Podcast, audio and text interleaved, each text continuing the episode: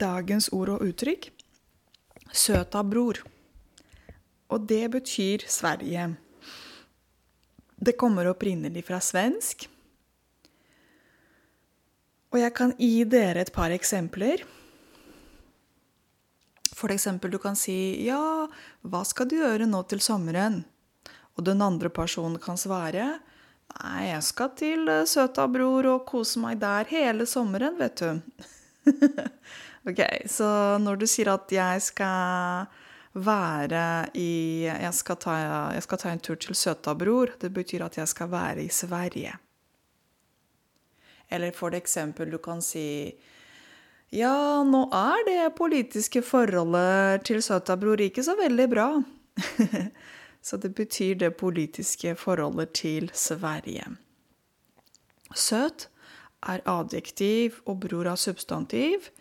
Eh, dette her med A på slutten til adjektivet kommer faktisk fra svensk. Man bruker ikke det på norsk. Man bruker eventuelt E til flertall.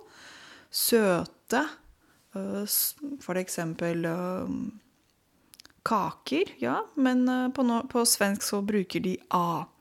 Så søta bror Hvis jeg forsto det riktig, så kommer det fra um, Sverige, og det er litt gammelt uh, uttrykk. Og de brukte sånn overskrift på uh, brevene før. Og søta bror, som sagt, stammer fra svensk. Um, og på, på denne måten Norge sier at Sverige er søta bror, så sier Sverige at Danmark er lillebror. OK? Så hvis du hører noen ganger, noen ganger at uh, folk snakker om søtabror, så vet du at de snakker om Sverige.